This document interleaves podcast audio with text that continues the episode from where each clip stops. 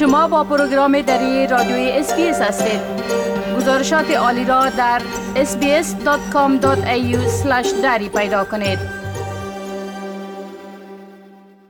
حال با جاوید روستاپور خبرنگار پروگرام دری در کابل به تماس هستیم که اونا درباره تازه ترین رویدادها در افغانستان معلومات میتن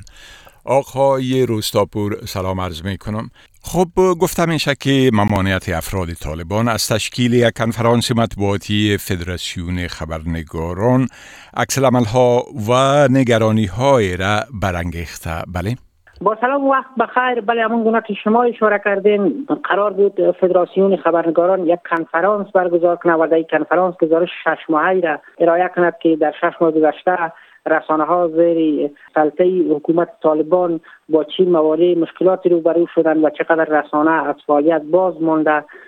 این کنفرانس از طرف امارت اسلام از طرف نیروهای امنیتی امارت اسلامی طالبان منع شد. که سبب واکنش های بسیار جدی در داخل و در بیرون از کشور شد. و این واکنش ها سبب شد که بالاخره طالبان را مجبور ساخت که درباره منع کردن این کنفرانس وضاحت بدهند. زبیلای مجاهد سخنگوی طالبان روزی گذشته در چند توییتی گفت که فدراسیونی که فعال است در افغانستان و اکثر رسانه ها و مسئولان رسانه ها عضویت فدراسیون را دارند و به گفته او فدراسیون دومی که فعلا فعال شده به این نیازی نیست و اکثر کسایی که عضویت این فدراسیون را دارند در بیرون از افغانستان هستند و از اونجا عضویت فدراسیون را دارند و این ضرور نیست که فدراسیون دوم به فعالیت آغاز کنه و کار کند سخن سخنان آقای مجاهد بیش از که درباره این فدراسیون باشد و معنی کنفرانس باشد. این گفت که تعدادی از رسانه‌هایی که اگر می‌خواهند فعالیت کنند و فعال هستند باید مسئولانی از یا مدیرانی از یا از بیرون از افغانستان بر بگردند به افغانستان اینجا بیایند و دوباره جوازهایشان را تمدید کنند و به فعالیت خود آغاز کنند. این سخنان آقای مجاهد واکنش های بسیار جدی را در میان خانواده رسانه ها اهل مطبوعات در شبکه های اجتماعی برانگیخت و بیشتر تاکید بر بود که آقای مجاهد در حقیقت سلب کرده از فعالیت رسانه ها را با اظهاراتش و گفته تمام رسانه ها باید از سر جواز بگیرند و جوازهایشان را تازه بسازند بر مبنای اصول امارت اسلامی و بیایند مسئولانشان در داخل. ای به این معنا که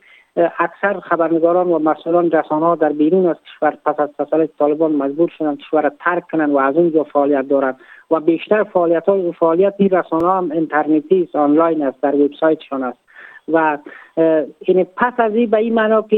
رسانه هایی که از طریق آنلاین نشرات دارند و از بیرون از کشور مدیریت میشن این نزد طالبان اعتبار ندارد. توییت آخری زبیلا مجاهد این مفهوم را می‌داد و این رسانه در حقیقت خود سر عمل می‌کنند و اگر که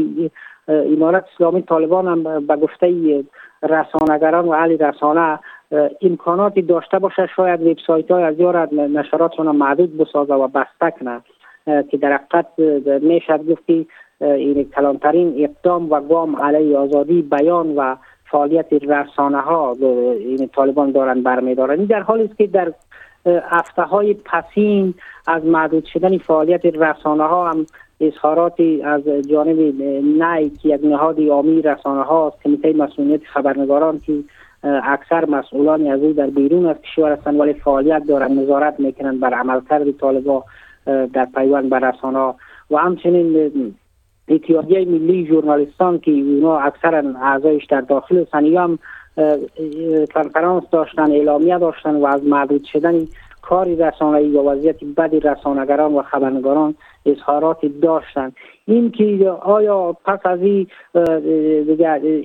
وبسایت ها و رسانه هایی که از طریق اینترنت نشرات دارن و مسئولانشان در بیرون از کشور هستند فعالیت هایشان چگونه است و چقدر اطلاعات را که یا نشر می‌کنن از نظر طالبا این اطلاعات مشروط و به یا بها قائل خواهند شدن خواهند شد طالبا این را گذشت زمان پاسخ خواهد داد. بله خب پیشنهاد نماینده افغانستان در ملل متحد در مورد ضبط دارایی های مقام های حکومت گذشته هم عکس عمل های را باعث شده. اگر لطفا در باره صحبت بکنین. دقیقا پس از اینکه نصر احمد فایق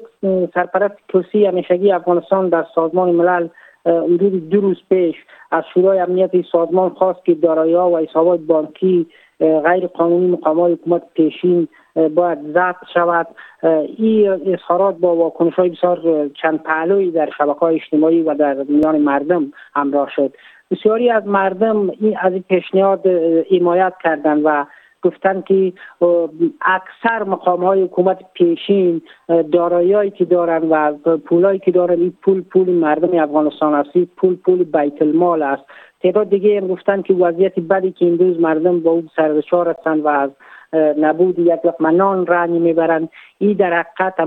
اقدامی است که مقام حکومت پیشین انجام دادن و دارای افغانستان را غارت کردند و در آخر هم یا را به حسابهای خود منتقل کردن و افغانستان را ترک کردن و مردم افغانستان را در یک وضعیت بسیار بدی قرار دادن تعداد دیگه هم در پیوند با این موضوع گفتن که در 20 سال گذشته میلیاردها دلار به افغانستان سرازیر شد و از این پول بیشتر از 80 درصدش توسط مقام های حکومت آمد کرزی و حکومت آقای اشرف غنی به حساب غارت شد به باوری از و این روز افغانستان هیچ تغییر نسبت به 20 سال پیش در هیچ عرصه نکرده در حالی که پولا پولایی بودن که در بخشای زیربنایی سرمایه گذاری می شدن اما امروز پایتخت افغانستان هم اگر ازبکستان و ترکمنستان برق خود را قطع کند این روز 20 سال پیش واری در تاریکی به سر می‌برد و در حقیقت این پولایی که اینا دارن پول بیت المال است و پول کمک شده جامعه جهانی است و باید هم این پول ها غصب شود و در یک روند شفاف دوباره به دارایی آمد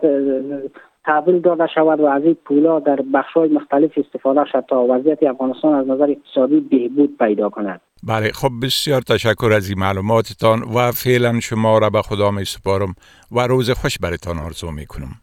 وقت شما هم خوش خدا نگهدارتان. بپسندید شریک سازید و نظر دهید. اسپیس دری را در فیسبوک تعقیب کنید.